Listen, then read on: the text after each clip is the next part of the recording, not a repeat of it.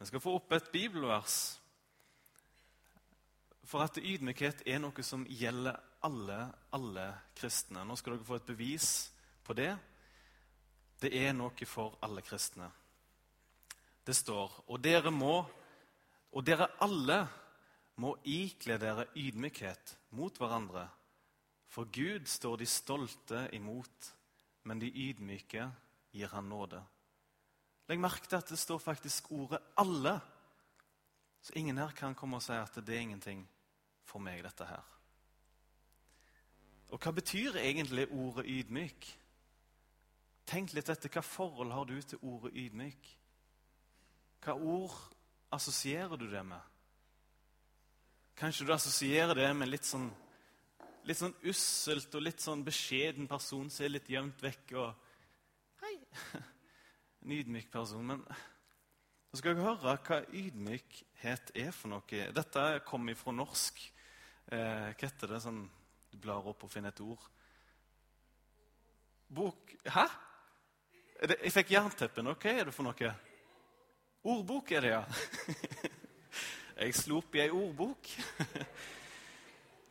Og sånn forklarer de ordet ydmykhet. eh, underdannig, altså at du underordner deg, ærbødig, kuet og lydig. Det er definisjonen av ordet ydmykhet. Selv om vi kanskje forstår ordet av og til som noe litt ynkelig og noe, noe litt smått, så skal dere få se nå at det er absolutt ikke noe smått. Hvis vi plasserer det inn i en sammenheng.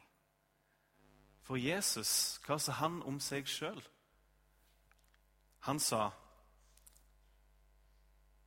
'Jeg er mild og ydmyk av hjerte'. Det er ikke ofte vi får en personbeskrivelse så rett ut av Jesus. Noe, noe, noe av det klareste han sier om seg sjøl, 'Jeg er mild og ydmyk av hjerte'.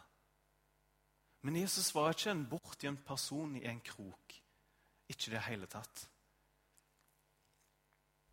Hemmeligheten med å være ydmyk i dette her Du som disippel, hvis du ydmyker deg under Gud, så kobler du deg på hans kraft. Du underordner deg hans kraft.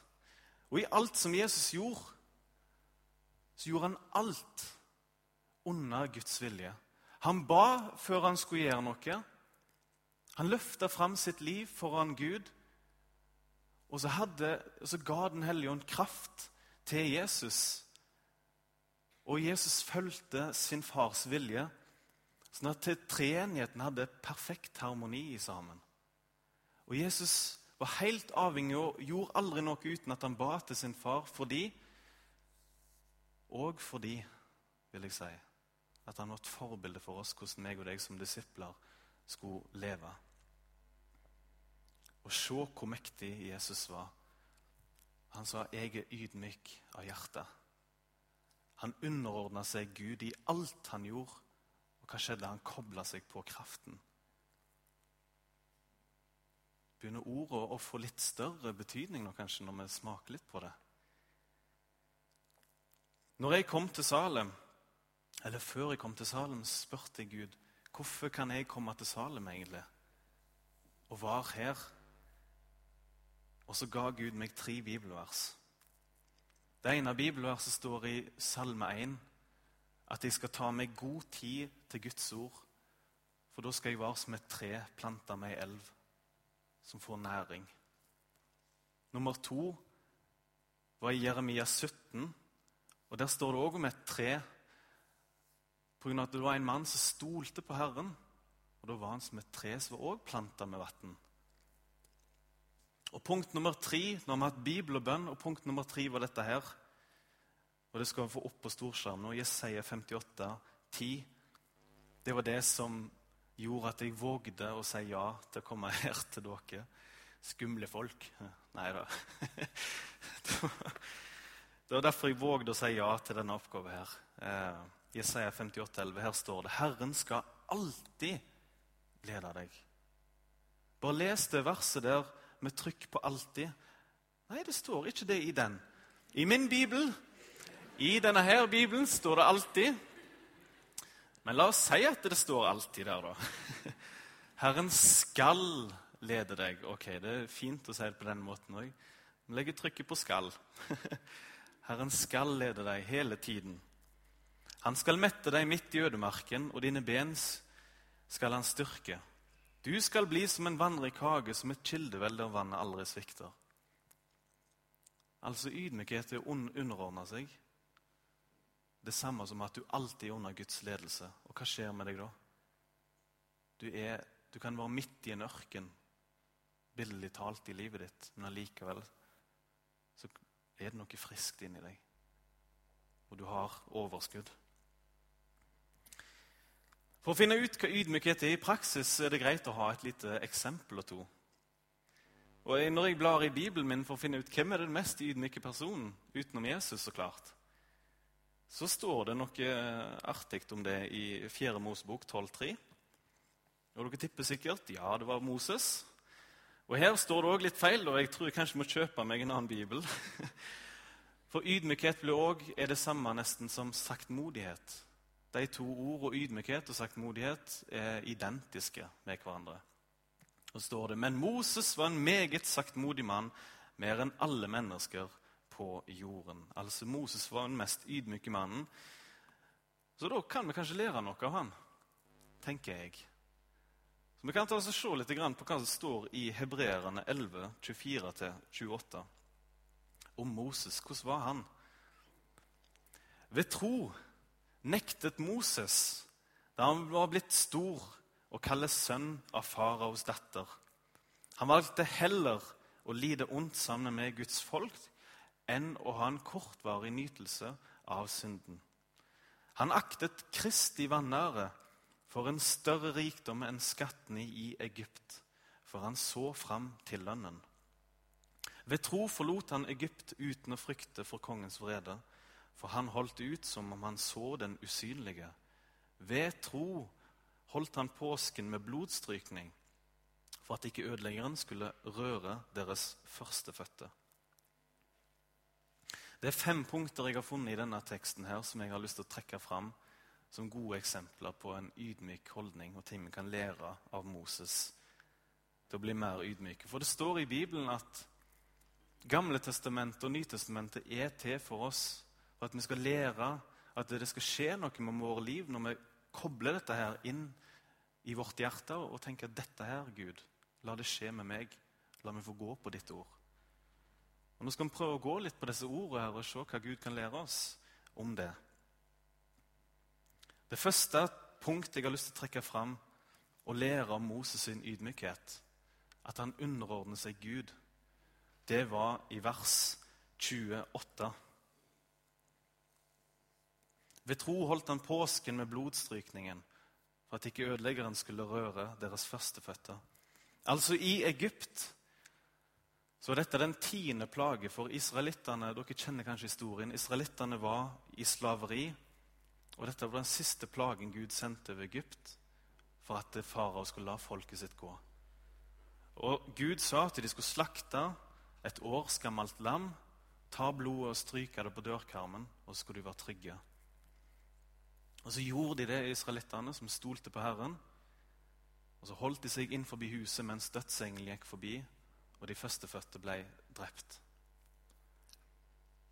Og så er dette det første punktet jeg og du skal ta inn over oss, at Moses trodde på Gud. Og med andre ord, dette lammet som ble slakta, og blodet, det er et bilde på Jesus. Tror jeg og du at Gud sendte sin enbårne sønn. Ofre ham på et kors. Tror vi på det, at han døde for oss, og at han sto opp igjen? Av vårt hjerte, og bekjenner vi det med vår munn? Det er punkt nummer én. Det er ikke vits i for meg at jeg går videre på talen hvis du ikke er der. Og vet du hva, Når jeg har spurt folk hva er det vanskeligste for deg i lag med Jesus, så kommer det faktisk fram Jeg syns det er vanskelig å stole på han. At han holder sitt ord. Jeg syns det er vanskelig å stole på han. Og Hvis vi er litt ærlige med oss sjøl, hva kommer fram da? Tror vi på Jesus og det han har gjort for oss? At det gjelder deg?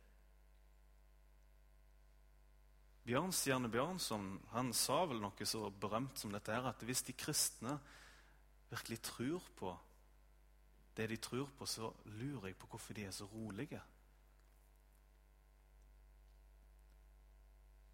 Dette her er punkt nummer én å underordne seg. At du tror det Gud har gjort. Og Vi skal gå gjennom fem punkt, og jeg vil ha ei bitte litt rolig, enkel bønn for dette punktet her før jeg går videre. Kjære Jesus. Den største synden jeg har gjort i mitt liv, er at jeg ikke har trodd på at du, Gud, sendte din egen sønn til jord og dø på korset. I mange år så trodde jeg ikke at det gjaldt for meg. Takk, Jesus, at jeg har nå blitt tilgitt, og hjelp meg til å stole på deg. Hjelp meg å ta tilflukt under ditt blod. Jesus, vi tror kanskje i hodet vårt at dette her er sant, og at det gjelder for meg. Og Jesus, jeg ser på mitt liv at av og til så lever jeg som om dette her ikke er sant. Hjelp meg, Herre. Og gå i benkeraden her hvis det er noen som ikke tror på det du har gjort, Jesus. Historiske bevis er det for at du hang på korset, og du har sagt i ditt ord hjelp oss å tro på deg, Herre. Åpenbar deg for oss, Jesus og ydmyk oss, Herre, for det du har gjort. Amen. Det var punkt nummer én. Hvis vi går på vers 26, så kan vi få se en annen ting. Stikkord her er at vi våger å være annerledes. Jeg og du er et utkalt folk. Vi skal ikke lenger være i verden akkurat som hvem som helst. Jeg og du har fått en ny herre hvis punkt nummer én gjelder for deg. Moses han aktet Kristi vanære for en større rikdom enn skatten i Egypt, for han stå, så fram til lønnen. Moses han kunne vært en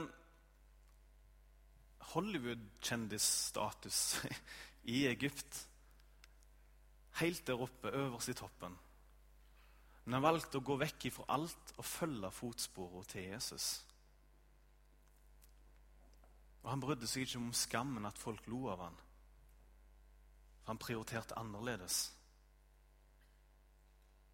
Hvordan kjenner du på det når folk Jeg vet ikke, jeg.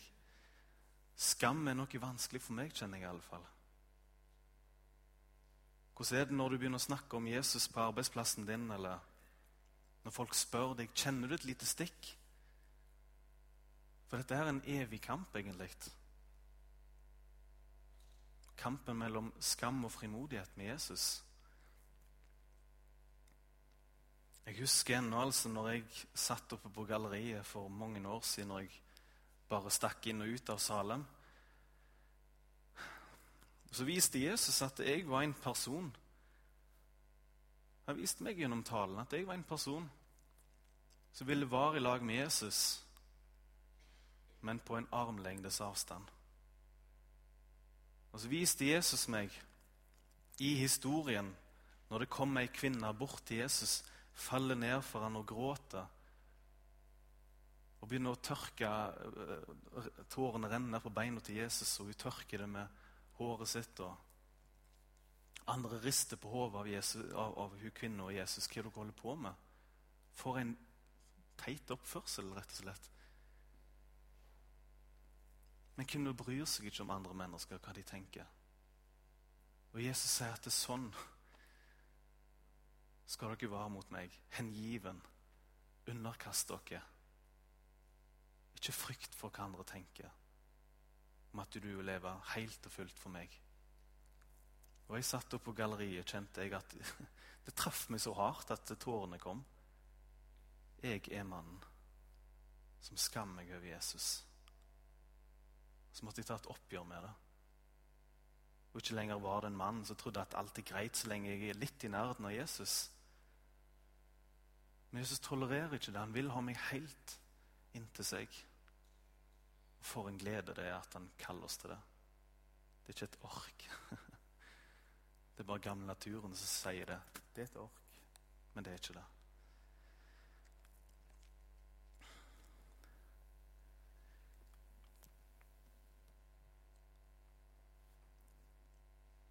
Vi skal bare be litt om at Gud skal få fjerne den skammen i våre liv. Vi trenger hans hjelp til det. Vi trenger å ydmyke oss der òg. Underordne oss Gud framfor menneskefrykt. Kjære Jesus, ber om at vi får nok en gang lære av Moses at han, han gikk ifra ledelsen og popularitet i Egypt og ut i ørkenen, og alle som kjente han, lo av han. Men han ville følge deg, Jesus. Moses valgte å følge deg, Jesus, og brydde seg ikke om skammen. Jeg ber om at jeg må klare å følge deg, Jesus, uten å skamme meg. At jeg tenker på alle andre fristelser og har lyst til å holde meg litt vekk fra deg, Jesus, sånn at jeg kan gjøre mer det jeg vil. Må du hjelpe oss alle å tilgi oss for at vi av og til skammer oss over deg, Jesus. Det skal ikke være sånn. Ikke når du har gjort så mye godt for oss. Amen.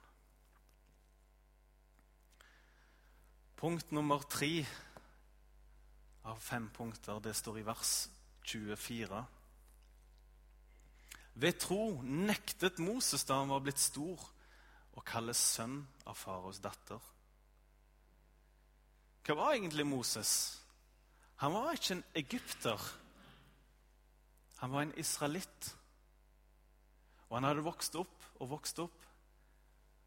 Oppført seg som en egypter, men han var egentlig ikke det. Han tilhørte ikke der. Og Dette er et godt bilde på at jeg og du kanskje av og til blir styrt for mye av menneskefrykt. Vi blir styrt av at vi lager oss en idé om hva som er det beste av hver for min del. Vi har et eller annet image som vi holder oppe. Og så forteller dette her at velg din sanne identitet. Ikke lat som du er en annen enn den du er, og bruk krefter på å holde opp en fasade som bare gjør at livet blir et ork. Og du går og lengter etter åh, Hva skjer hvis folk ser meg for den jeg er? Hvis jeg bruker litt mindre krefter på å være så kul og alltid finne de kjekke ting å si, vil folk trives med meg da? Hva skjer hvis du følger dine indre følelser og den du egentlig er, åpenbarer for andre at det er sånn er jeg? Nå tar jeg maska vekk. Jeg syns det er stilig at Moses nekta å være en annen enn den han er. Han nekta det plent. Det går ikke an å ydmyke seg for Gud eller underordne seg Han hvis du er mer bundet av frykt enn av Guds frykt. Da går du glipp av en enorm kilde i ditt liv. Jeg husker den dagen jeg begynte å ta noen steg imot å avsløre meg sjøl. Jeg ble kristen da jeg var 18 år, og sjøl når jeg ble kristen, så fant jeg på utrolig mye garp mange år etterpå. Og når jeg nærma meg rundt 21-22, da begynte Gud å få tak på meg. Og nå er jeg vel 27-28, rundt der. Jeg kom ut av tellinga nesten. Men jeg husker det når jeg ble med i kristne sammenhenger. Så var det så milevidt langt ifra det jeg var vant med. Oppførsel og alt jeg hadde funnet på. Og en lang liste, så tenkte jeg Hvis folk finner ut av alt jeg har vært med på, kommer de til å ha noe med meg å gjøre da? Så fant jeg ut at dette her har jeg ikke lyst til at skal ha makt over meg. Så jeg gikk og begynte å snakke med noen mennesker og begynte å fortelle litt om fortida mi. begynte å fortelle litt om følelsene mine. Og så merker jeg at det skjedde noe med meg når jeg begynte å åpne meg for noen. Det begynte med én og to og tre personer jeg åpna meg litt for. Og En gang så gikk, jeg, til det steget at jeg så jeg hadde så behov for å bare få ut hele skiten. At Jeg satt i jeg husker jeg satt i tre timer og bare fortalte liksom, det har jeg gjort, og det har jeg gjort, og det er skamming, og det var dum. Ikke så lettsindig som det, altså, men eh, Det som skjedde Dette er viktig. Når jeg avslørte meg sjøl så mista hele frykten for at andre skulle avsløre meg. Jeg nekta at det skulle ha overtak over meg. Jeg nekta å være en annen enn den jeg er. Og Da ble jeg fri. Og når det ting hoper seg opp ennå, så må jeg enten gå til kona mi eller til, til noen jeg har tillit til, og jeg sitter og snakker om livet mitt. Det er så viktig. Nekt å være Nekt å være noen andre Hvordan skal jeg si dette her? Nekt å være noen andre enn den du er. Og åpne deg steg for steg mot noen du har tillit til. Og ikke bli styrt av frykt. For da går du glipp av å underordne deg Gud. Og det syns Det er ikke vits i å bruke krefter på, på det. Jeg skal be litt om at Gud må gi oss mot til å kunne være åpne med hverandre. At Gud skal sette oss i frihet for disse tingene her. Vi skal våge å være oss sjøl og ikke justere på ting som vi tror er bedre, og lage ei maske. Jesus, jeg ber om at eh, du må komme her og la oss forvare oss sjøl, Herre. Og hvis vi har tråkka uti det, Jesus, og har en bagasje som vi har problemer med, så ber jeg om at vi må være åpne med hverandre. Takk at jeg har noen jeg kan gå og snakke med, og jeg ber om at alle her må få, få noen de kan snakke med om vi ikke har det fra før av. Jeg ber om at du må gi oss mot og frimodighet til å være oss sjøl og slippe masken. og Har vi en dårlig dag, så har vi en dårlig dag, og få lov å vise det. Jeg ber om at, det, at det, murene våre skal revne ned på samme måte som Jerikomurene revna ned. Så tar det mange ganger vi må gå rundt hverandre. Du, Jesus, må gå rundt oss mange ganger, og så begynner det å rakne. Jesus, hjelp oss forstå dette her, og få oss til å nekte å være noen andre enn den vi egentlig er, og den du har skapt oss til å være. Og fri oss ifra bagasje som holder oss nede. Fri oss ifra masken, Herre.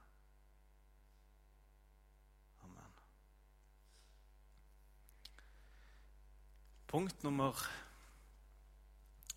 fire på ydmykhetsstigen her nå, med Moses. Det står i vers 25. 25. Han valgte heller å lide ondt sammen med Guds folk enn å ha en kortvarig nytelse av synden. Jeg husker eh, når jeg ble kristen og gikk to-tre år som en sånn lunken greie midt imellom alt. Jeg vil verken gi meg helt over til Jesus, og jeg gjorde ikke de samme syndene helt som jeg gjorde før jeg ble kristen. Så jeg har altså en mellomting. Og det gjorde noe forferdelig dumt med meg. Jeg knytta meg aldri skikkelig til en menighet. Jeg hadde så lyst til å ha et par sånne koselige ting med meg i min bagasje at jeg visste hvis jeg knytter meg inn til et fellesskap, så kommer jeg kanskje til å miste det. For folk begynner å oppdage hva jeg egentlig holder på med, og hva jeg egentlig fastholder. For når jeg kommer inn til de kristne, så kunne jeg bare forandre litt på hva jeg snakket om, så trodde alle at det var greit med meg. Og når jeg kom til de ikke-kristne, Så dempa jeg ned litt kristendommen min. Snakket ikke så mye om den. Hvis Bibelen lå framme, så rydda jeg den vekk. Sånn holdt de på. Forandra meg for hver gang. Med de kristne så var jeg litt skjerpa, og med de ikke-kristne så får Bibelen vekk. Sånn var det med meg. Og så står det her om Moses som tok et oppgjør. Og så gikk han til Guds folk. Disse skal jeg være med. Jeg forplikter meg til å være med dere, åpne meg med dere, være med dere og være trufast imot dere. Dere skal regne med at jeg kommer her og er med her. Jeg husker det jeg, jeg, når jeg gikk her i Salem i et år og to. Så kom det noen bort til meg og spurte om jeg ville være med i en sånn, i tjenestegruppe. Så jeg skrev meg opp på ei tjenestegruppe og tenkte ja, ja, jeg eh, skal bidra, jeg. Eh, og det var litt sånn skalkeskjul, det òg. Ja, selvfølgelig kan være med, jeg. Og Så skrev jeg meg opp, så husker jeg det at jeg hadde ikke lyst en plass til å være med på det. For hjertet mitt var ikke ett i lag med Jesus. Jeg brydde meg ikke om det skikkelig. Så når Folk måtte jo ringe og mase på meg. 'Hvor blir du av henne?' Jeg hadde heller lyst til å være ute på byen den kvelden. Det var tjenestegruppa, kanskje. Og så viste Gud meg, etter noen år noe annet, Magne. Nå skal du være i lag med de kristne. Og De skal være din familie, og du skal dele livet ditt med dem. Og du skal være åpen med dem og ekte. Selv om det koster for deg, så skal du gjøre det. Og så gjorde jeg det. Og så gikk det ganske greit, selv om det var vondt for meg. Jeg måtte snu opp ned på alt og begynne å være trofast. Forplikte meg. Men jeg angrer ikke nå, altså.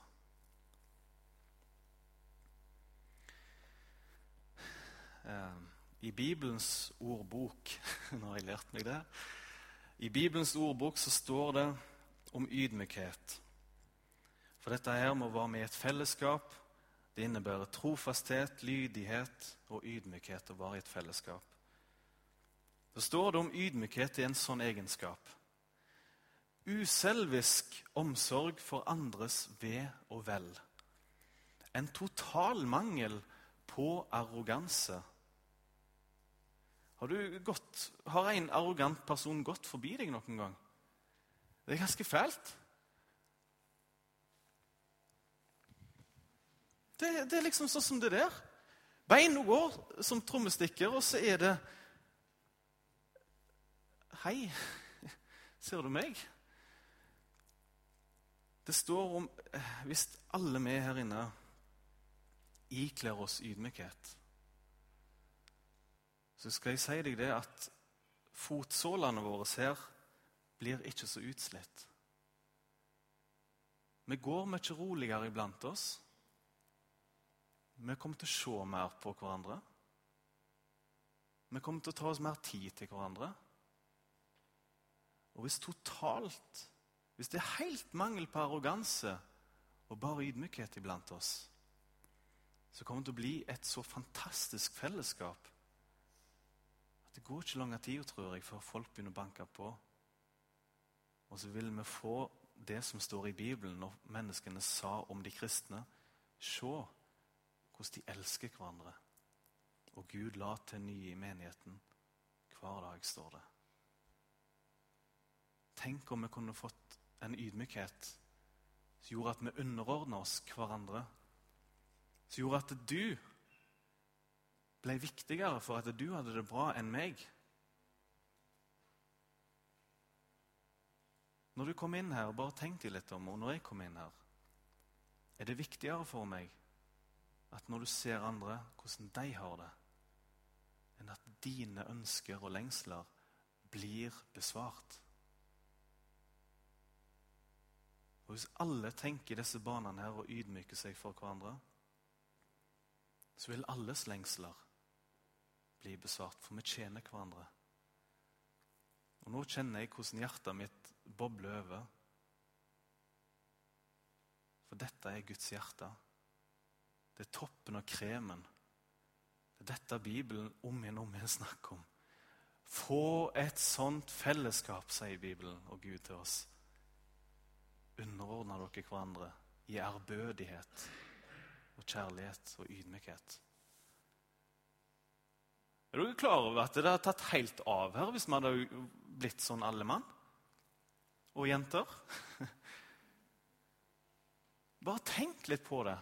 Og jeg tror vi skal rett litt bare Dere så vi hadde miljøteam her. Vi har 10, 11, 12 i Salem som går, og de bytter på å gå i helgene. Vi har begynt en plass, i alle fall. For vi vil at alle skal bli sett. Vi vil at alle skal bli miljøarbeidere. Og nå begynner vi i en ende, i alle fall. Vi skal be om at Gud må skape sånn fellesskap. Er dere med på det? Åh, oh, Jeg hørte en liten mm, så da gjør vi det. Kjære Jesus, kan du gjøre sånn som det står om Moses her, at vi velger å være i lag med ditt folk og er trofaste. Gjør sånn at vi kan regne med hverandre. At om vi trenger hjelp eller har en dårlig dag, så er vi her for hverandre. Og Jesus, jeg vet at hvis, hvis du ikler oss ydmykhet, så vil arroganse og hovmodighet og stolthet forsvinne vekk. Og det vil være et sånt fellesskap som gjør at plutselig så står det en journalist og lurer på hva som skjer med disse folka her. Jeg ber om at vi skal få et fellesskap som ser hverandre. Og at vi aldri hører at i Salem er det klikket eller noe sånt. Takk, Jesus, at vi har begynt nå. Må du gjøre dette iblant oss og se at det ikke er en lidelse, men en velsignelse å holde fast på familien sin. Amen. Um, punkt fem er det siste punktet. Og der står i vers 27 på denne måten her.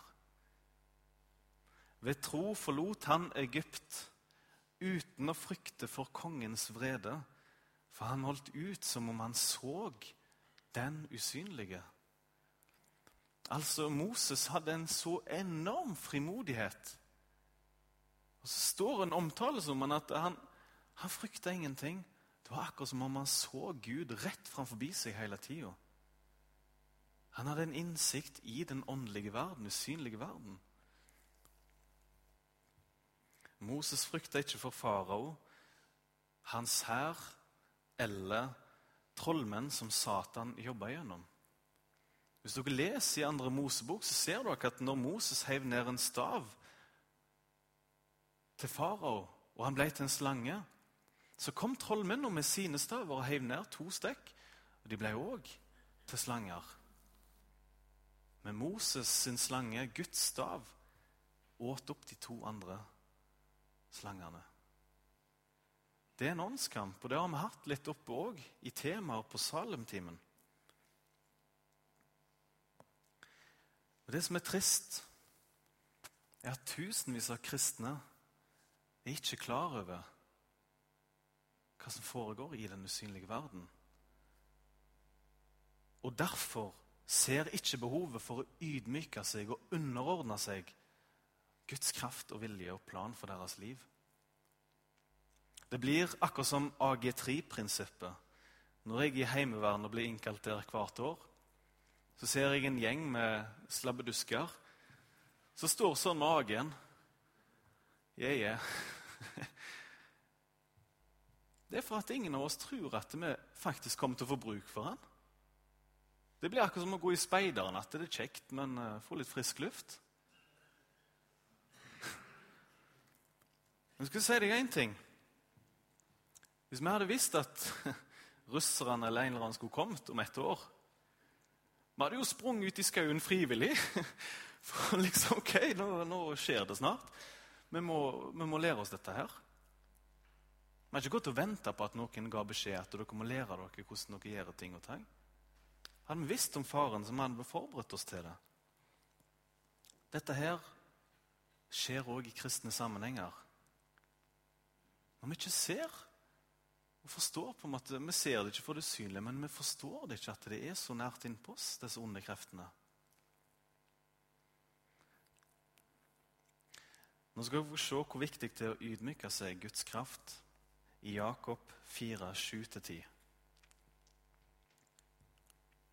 Vær derfor Gud undergitt eller underordna. Men stå djevelen imot, så skal han flykte fra dere. Hold dere nær til Gud, så skal han holde seg nær til dere. Gjør hendene rene, dere syndere, og rens hjertene, dere tvesinnede. Klag og sørg og gråt, la latteren vendes til sorg og gleden til bedrøvelse. Ydmyk dere for Herren, så skal Han opphøye dere.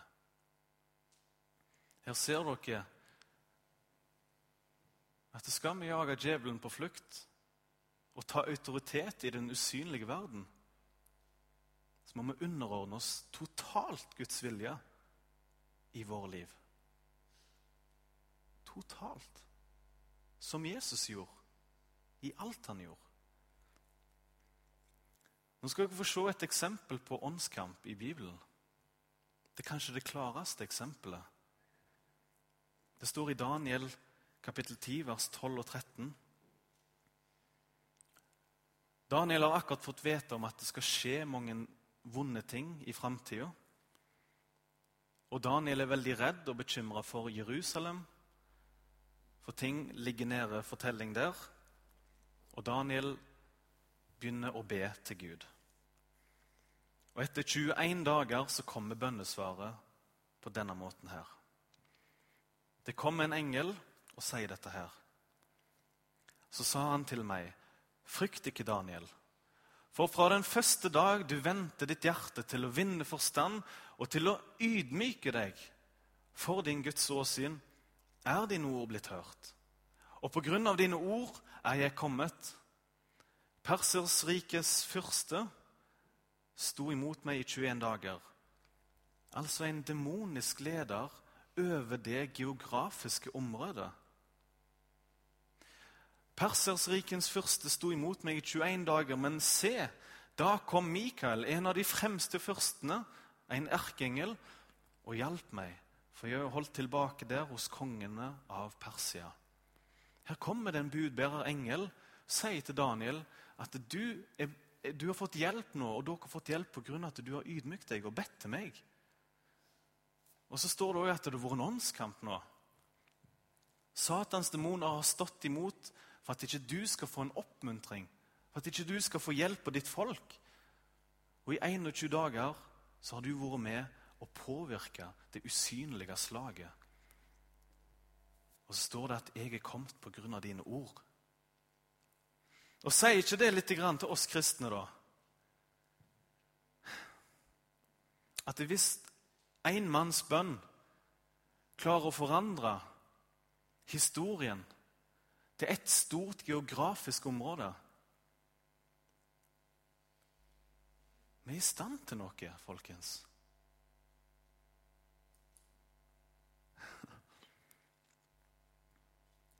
Her over Stavanger og Norge skal du være sikker på det, at det er demoner som har en eller annen ledende grad og planlegger kontinuerlig hvordan dette området her skal ødelegges. Og hvordan kristne skal falle og bli svake. Og Nå kjenner jeg òg at det bobler i meg. Og Vi kan være veldig flinke å se det praktiske og det ytre og sånn og sånn. Og så blir vi nesten litt defensive. Og så vet vi ikke hvor mye makt Gud vil gjøre når vi underordner oss for Han. Nå skal dere få se, for å lære punkt nummer fem om åndeverden, innsikt i åndeverden, at jeg og du kan forandre ting. Og så skal dere få se i Matteus 16, vers 18-19 og Dette er første gang Jesus introduserer menigheten for sine disipler. Han sier, 'Jeg sier deg, Peter, og på denne klippet vil jeg bygge min menighet.'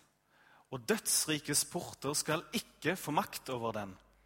'Jeg vil gi deg nøklene til himmelens rike.' Og det du binder på jorden, skal være bundet i himmelen, og det du løser på jorden, skal være løst i himmelen. Og Hvis dere lurer på hva dødsrikets porter er for noe, så er det et symbol på Satans lederskap. En port i Gamle testamentet det betydde at det der satt bystyret og lederne til en by.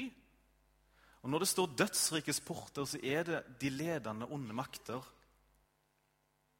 og så sier Jesus til menigheten vil jeg gi makt over den ondes hær til dere.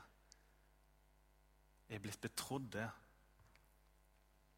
Og så står det her Dødsrikets porter skal ikke få makt over den. På grunnteksten så står det veldig spennende, for da kan vi oversette det. Jeg ser en liten oversettelse annerledes her. Men en annen oversettelse sier det sånn. Og dødsrikes porter skal ikke klare å holde stand mot den. Ser du hvordan menigheten blir nå en offensiv? Ikke noe defensivt, men jeg og du skal faktisk vinne land daglig. Jeg og du skal kunne vinne over hele Stavanger by og vinne disipler her. Det står her at Satan har ikke makt over oss. Og så står det om dette her med at vi skal ydmyke oss, og djevelen vil fly ifra han. Vi har langt ifra vunnet det som vi skulle hatt. Vi skulle hatt det for lenge siden. Men er det pga. at jeg og du ikke underordner oss Gud og ydmyker oss Han og får Hans kraft? Jeg tenker litt høyt nå. Og Hvis vi leser i Matteus 18, 18-20, skal dere se noe annet stilig, som Jesus sier nå. Sannelig sier jeg dere, alt dere binder på jorden, skal være bundet i himmelen, og alt dere løser på jorden, skal være løst i himmelen. Atter sier jeg dere, at det to eller tre, to av dere på jorden blir enige om og be om, det skal dere få av min far i himmelen. For hvor to eller tre er samlet i mitt navn, der er jeg midt iblant dem. Som kristen så har du fått tildelt makt. Og så står det her, og legg merke til at vi legger kanskje vekt på det siste, at vi skal be om Guds hjelp. Men glemmer vi ikke litt av og til at vi kan faktisk binde djevelen? Og si at Demonene får ikke makt over Salem i kveld. Vi binder demonene, de får ingen innflytelse over Salem i kveld. Og Hvis vi møter et menneske som tydeligvis er veldig prega av noe negativt, som har vært borti noe eller et eller annet som bare henger over som ei sky, og vi finner ut at dette her er muligens en kamp i åndeverden og Hvis Gud åpenbarer for oss hva det er for noe, så kan vi gå inn som kristne og be i Jesu navn, så løser jeg deg ifra dette her. Og det som vi løser her på jorda, skal være løst i himmelen. Er den autoriteten inne hos deg nå? Er den frimodigheten der planta i ditt hjerte, sånn at du er beredt til å handle? Eller har vi ikke ydmykt oss ennå for Jesus, som har den makta?